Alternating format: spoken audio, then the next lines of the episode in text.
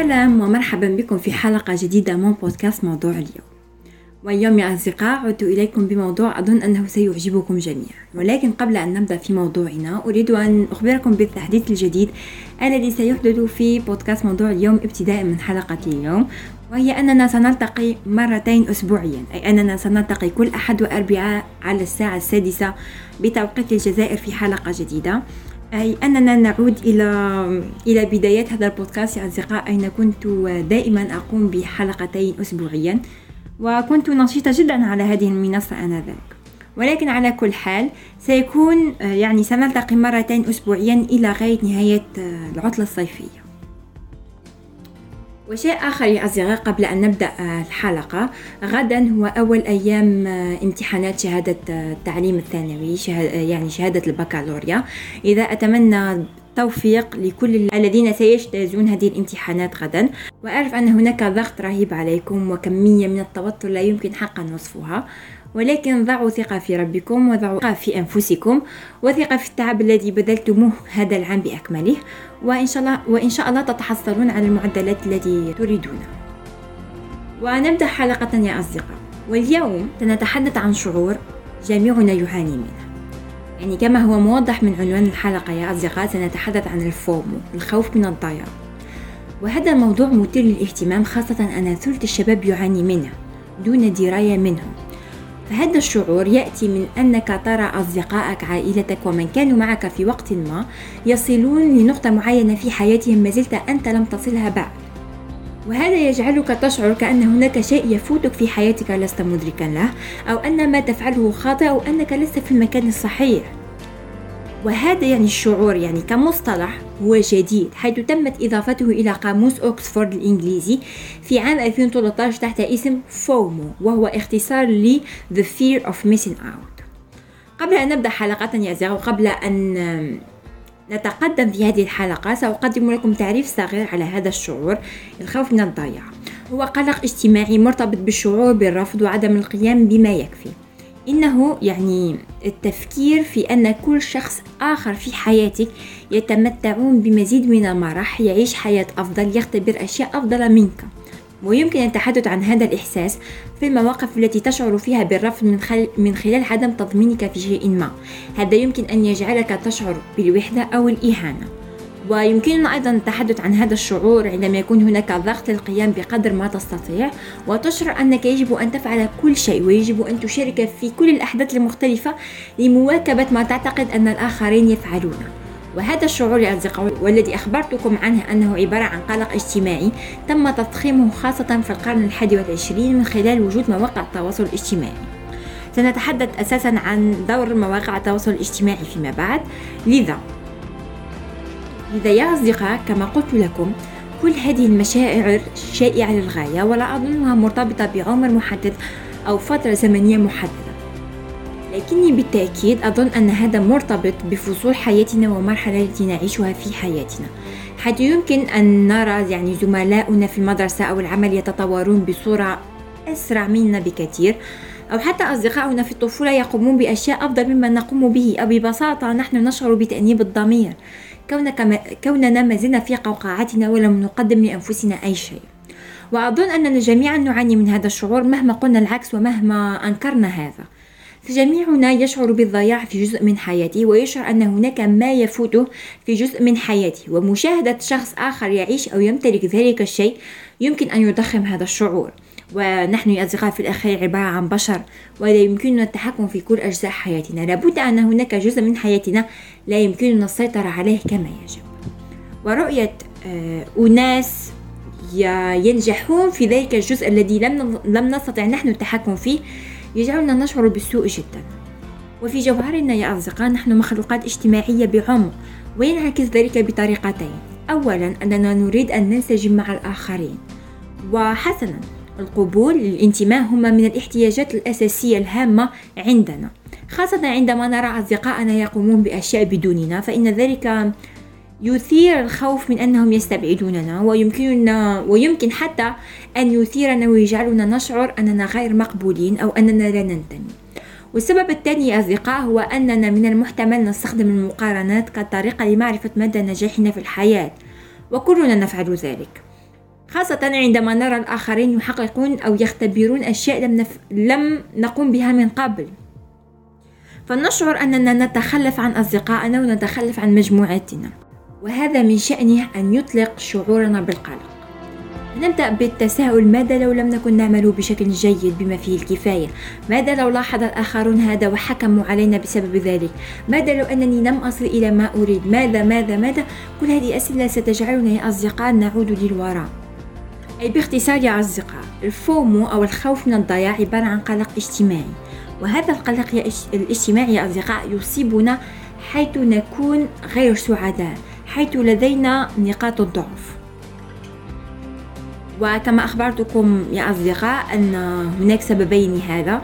إما أننا نريد أن ننسجم مع الآخرين وأننا نريد أن يصفق لنا الآخرون. فبذلك عندما يبتعد عنا الآخرون قليلا أو يحققون أشياء لم نحققها نحن نبدأ بالتسلل مع أنفسنا ونبدأ بالخوف من الضياع. ثاني شيء أننا نقوم بالمقارنة كثيرا. وعندما نقارن أنفسنا سنشعر أن هناك فرق. وعندما نستشعر ذلك الفرق يبدأ هذا الشعور بالتضخم. قد تتساءلون يا أصدقاء لماذا يعتبر هذا مشكلة؟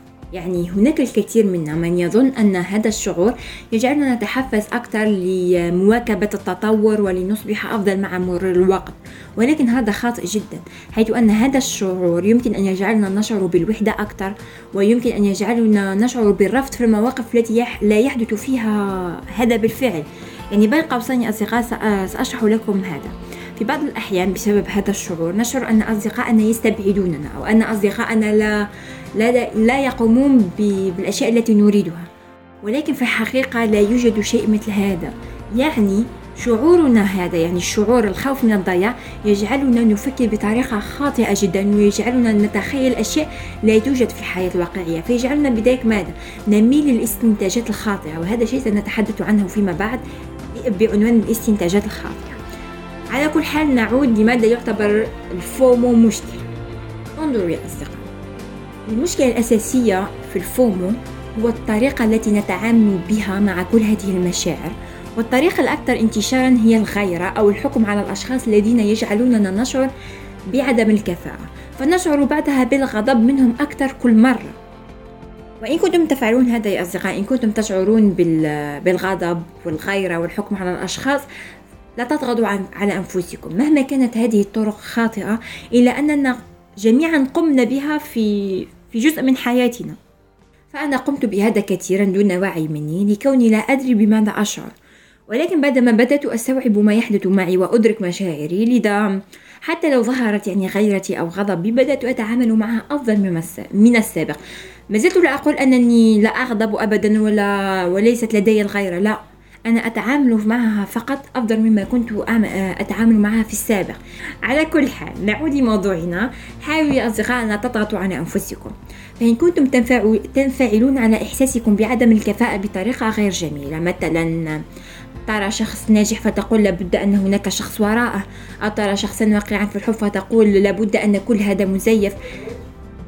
أي ببساطة تقوم بتسليط الضوء عليهم بدلا من تسليطه عليك.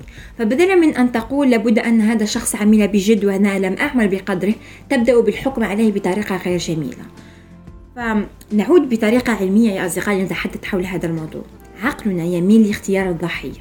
يعني مهما كان الوضع الذي أنتم فيه عقلكم سيميل دائما لاختيار الضحية. إما أنتم أو الشخص الذي جعلكم تشعرون أنكم تفتقدون شيء ما. قد تتساءلون لماذا يحدث هذا. ببساطة يا أصدقاء لأنها الطريقة الوحيدة الذي يبرر فيها دماغكم فقدانكم لشيء ما. وبما أننا أساسا كسالى فماذا يحدث لعقلنا نحن؟ يعني يعرف عقلكم أنكم في وعيكم يعرف أنكم لن تقوموا بشيء لإحداث التغيير. فماذا يقول لكم؟ لا بأس. ابقوا كما أنتم فالمشكلة ليست فيكم مشكلة في غيركم لابد أن هذا وهذا حدث. أي أصدقاء ما يفكر فيه عقلكم أنه إما أنهم ارتكبوا خطأ للحصول عليه أو أننا لم نعمل بالشكل الصحيح لجهله يحصل.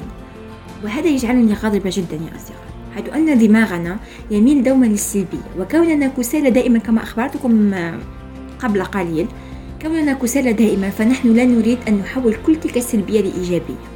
فهذا يأخذ وقت يأخذ طاقة ويأخذ كمية صغيرة من الدوبامين.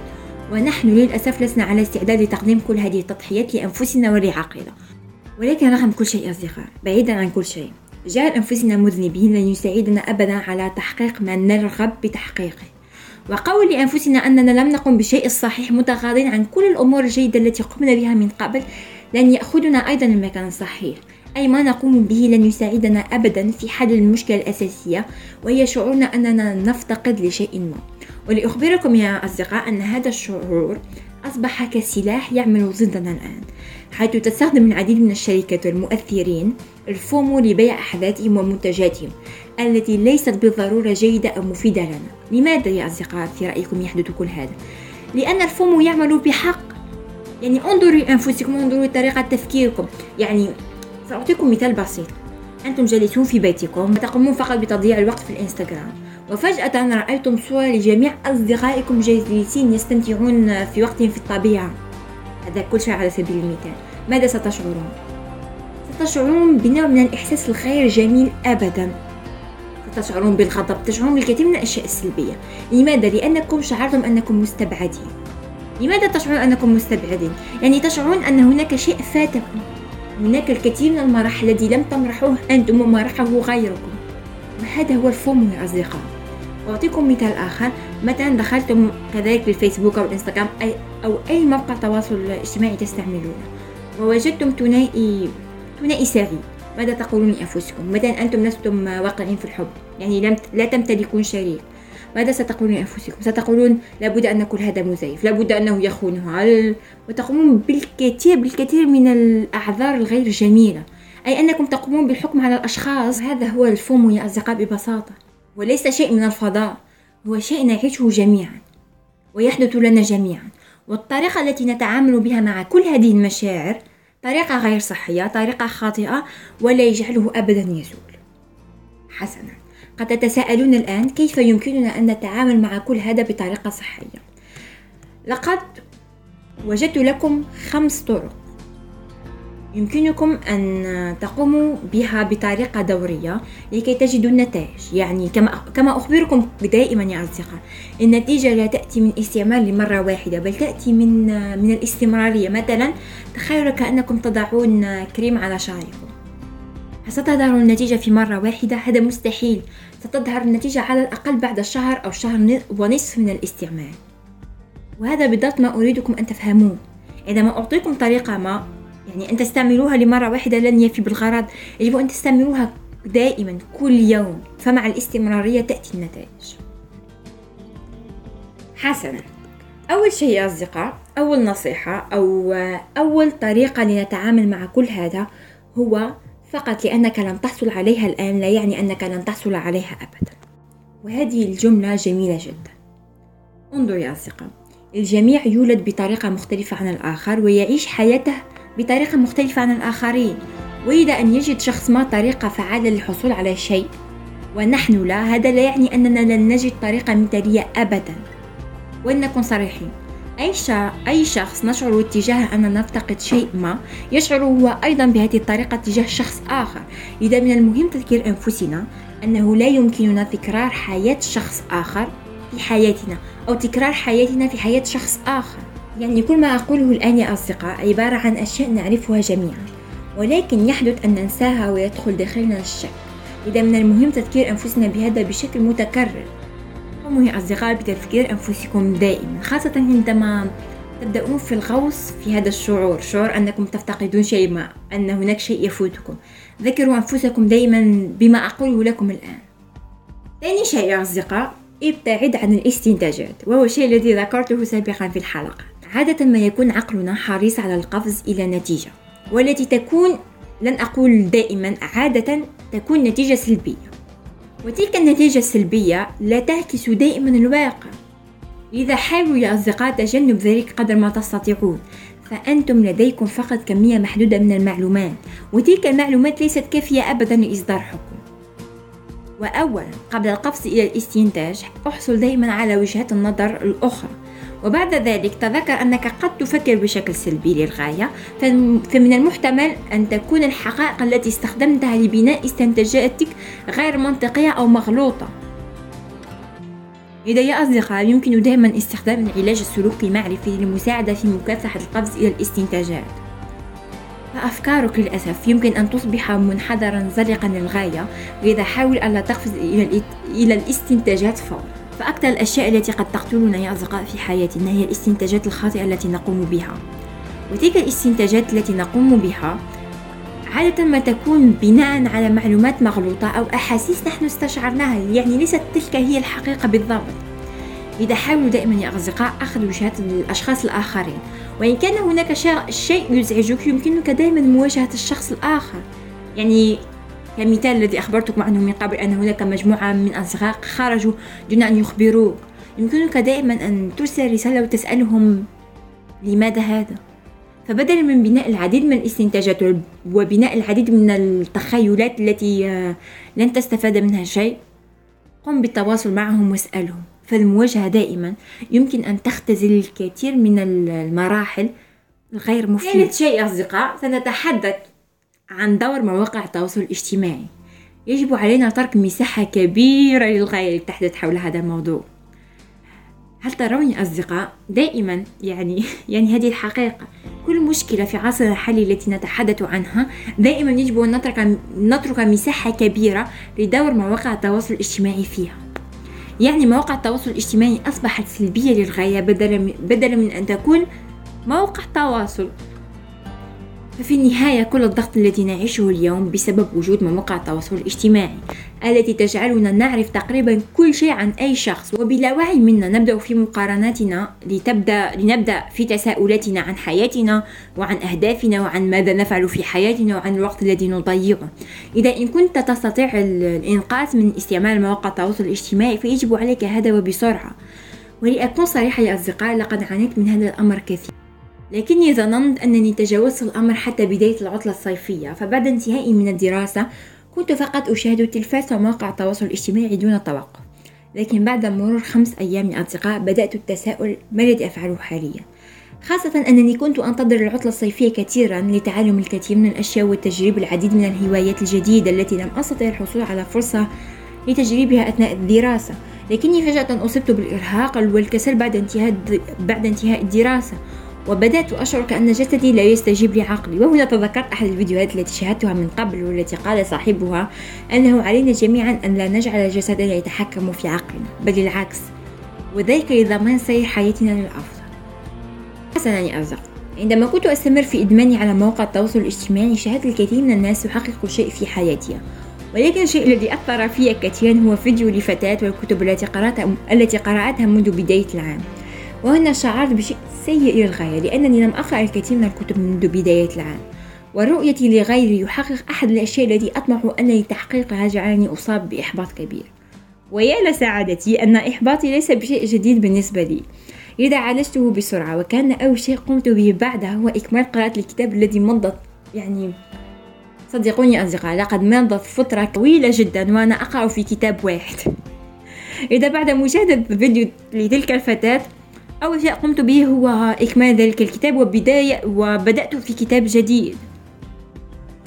وعدت لإنتاجيتي التي اعتدتها من قبل ولكن بعيدا عن قصتي يا أصدقاء التي وجدت فيها الحل. هناك الكثير من الناس الذين لم يجدوا حل لشعورهم هكذا بل شعورهم تضاعف عشر مرات أكثر.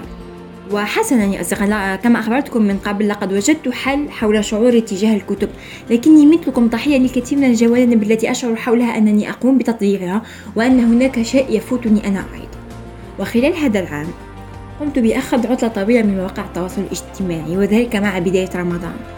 وشعرت يا أصدقائي يعني حقيقة أنني أخف من المبدأ خاصة أنني لا أمتلك الكثير من الأشخاص لمقارنة حياتي معهم ولا أمتلك الكثير من الأشخاص الذين الذين يجعلوننا نشعر كأننا نفوت شيء في حياتنا. يعني عندما نقوم فقط برؤية مواقع التواصل الاجتماعي ونرى الأشخاص الذين فقط يقومون بوضع ما يحققون في حياتهم نميل نحن بالمقارنة بلا, بلا وعي منا الأهم من كل هذا يا أصدقاء أنني وجدت أن عقلي غير ممتلئ بالأشياء التي لست مجبرة على معرفتها. وبدلا من هذا أنا أقرأ برغبتي حول ما أريد معرفته. حتى أن مواقع التواصل الاجتماعي يمكنها أن تجعلنا نعرف الكثير من الأشياء المفيدة. ولكن أحيانا تجعل عقلنا ممتلئ بالسخافة وبما لا, بما لا يزيدنا شيء. ولاحظت يا أصدقاء أن مواقع التواصل الاجتماعي تجعلنا نشعر بنوع من الإلحاح. مثلا لم يكن لديك أي فكرة في عقلك. ولكن وجدت شخص بدأ علامة تجارية أو كتب كتاب أو بدأ عائلة. رؤيتك لكل هذا يخلق داخلك نوع من الشعور بالإلحاح كأنك تريد فعل ما فعله غيرك. لماذا تشعر بذلك النوع من الإلحاح؟ لأنك قمت بمقارنة آه، نفسك بذلك الشخص ووجدت الفرق بي بينكما يعني حسب مقارنتك أنت. ولكي تملأ ذلك الفراغ تقوم بملئه بشعورك بالإلحاح. وللأسف هناك نوع من الناس والذين يظنون أن ما يحدث لهم عبارة عن تحفيز ولكنه خاطئ جدا حيث أن بعد رؤيتنا لما قام به الناس حولنا وإرادتنا القيام بنفس الشيء عبارة عن أقوال وأحاسيس وليست أفعال. ونسبة صغيرة جدا من الناس من يقومون بالأفعال نتيجة لمقارنتهم لأنفسهم بشخص آخر. يعني أن ترى شخص بدأ بمشروع لا أظن أنك ستبدأ غدا بمشروع أنت أيضا. بل أنت فقط تقوم بملء الفراغ بينك وبين ذلك الشخص وهذا الشعور لن يساعدك أبدا في حياتك. رابع نصيحة يا أصدقاء هي ضع خططك الخاصة فلا داعي للانتظار. يمكنك أيضا أن تفعل الأشياء الخاصة بك. ضع الكرة في ملعبك وقم بأخذ زمام المبادرة وقم أنت بتسجيل الهدف الأول في ملعبك. فقد يستغرق الأمر مزيدا من العمل لكنه قد يكون مجزيا للغاية فسيسمح لك هذا بالشعور بمزيد من التحكم في حياتك وخاصة إجراء اتصالات جديدة. آخر نصيحة يا أصدقاء هي حدد أولوياتك. أنا دائما أخبركم بأهمية سؤال نفسك ومحاورة مع نفسك والتفكير مع نفسك. يا أصدقاء دائما اسألوا أنفسكم عما إذا كنتم تريدون حقا تجربة آه، هذا الشيء ذلك الشيء الذي يجعلكم تشعرون كأنكم تفوتون شيء في حياتكم أم أنكم فقط تشعرون بالضغط؟ حددوا أولوياتكم في حياتكم حيث أن السماح لنفسك بفعل ما يهمك سيساعدك على الشعور بقدر أقل من الخوف. ولكن إن سمحت لنفسك باتباع إحساسك وشعورك كأنك لا تمتلك عقل هذا سيزيد شعورك سوءا. إذا أصدقاء ركزوا دائما على أولوياتكم وتقبلوا أنه لا يمكنكم فعل كل شيء ولا يمكنكم أن تكونوا في كل مكان. وأساسا إن, قم إن قمتم بكل شيء وكنتم في كل مكان كيف ستعيشون حياتكم؟ لقد سمعت بودكاست هذا الصباح حيث قال قال الضيف هناك أفضل أن أعيش حياتي على أن أعيش حياة الخير. وهذا صحيح يا أصدقاء. والفهم يجعلك تعيش حياة الغير لا أن تعيش حياتك. لذا بتحديد أولوياتك أنت تقول لنفسك أن مكاني هنا وإحساسي يجب أن يكون هكذا ولا يجب أن أتبع الناس. إذا يا أصدقاء حددوا أولوياتكم مهما كانت صعبة. وإلى هنا تنتهي حلقتنا اليوم يا أصدقاء. وفي النهاية لا أظن أنه من الصح علينا أن نقوم بإيقاف شعورنا بشيء نشعر به. بل يجب علينا أولا قضاء الوقت في الاعتراف بما نشعر به. إذا إن كنتم تشعرون بالفومو أو شعور أنكم تضيعون شيء ما حاولوا دائما الاعتراف بشعوركم وتقبله. ثم قوموا بالتعامل معه كيفما تريدون. ولكن حاولوا دائما أن تتعاملوا معه بشكل صحي ونلتقي في حلقة قادمة يا أصدقاء وسأترك لكم رابط المقالة في الأسفل. نلتقي في حلقة قادمة يا أصدقاء وقبل أن ننسى وتوفيق لأصحاب البكالوريا. إن شاء الله تحصلون على المعدلات التي تريدونها ولا تنغمسوا كثيرا في توتركم وشعوركم بالضغط وكل هذا.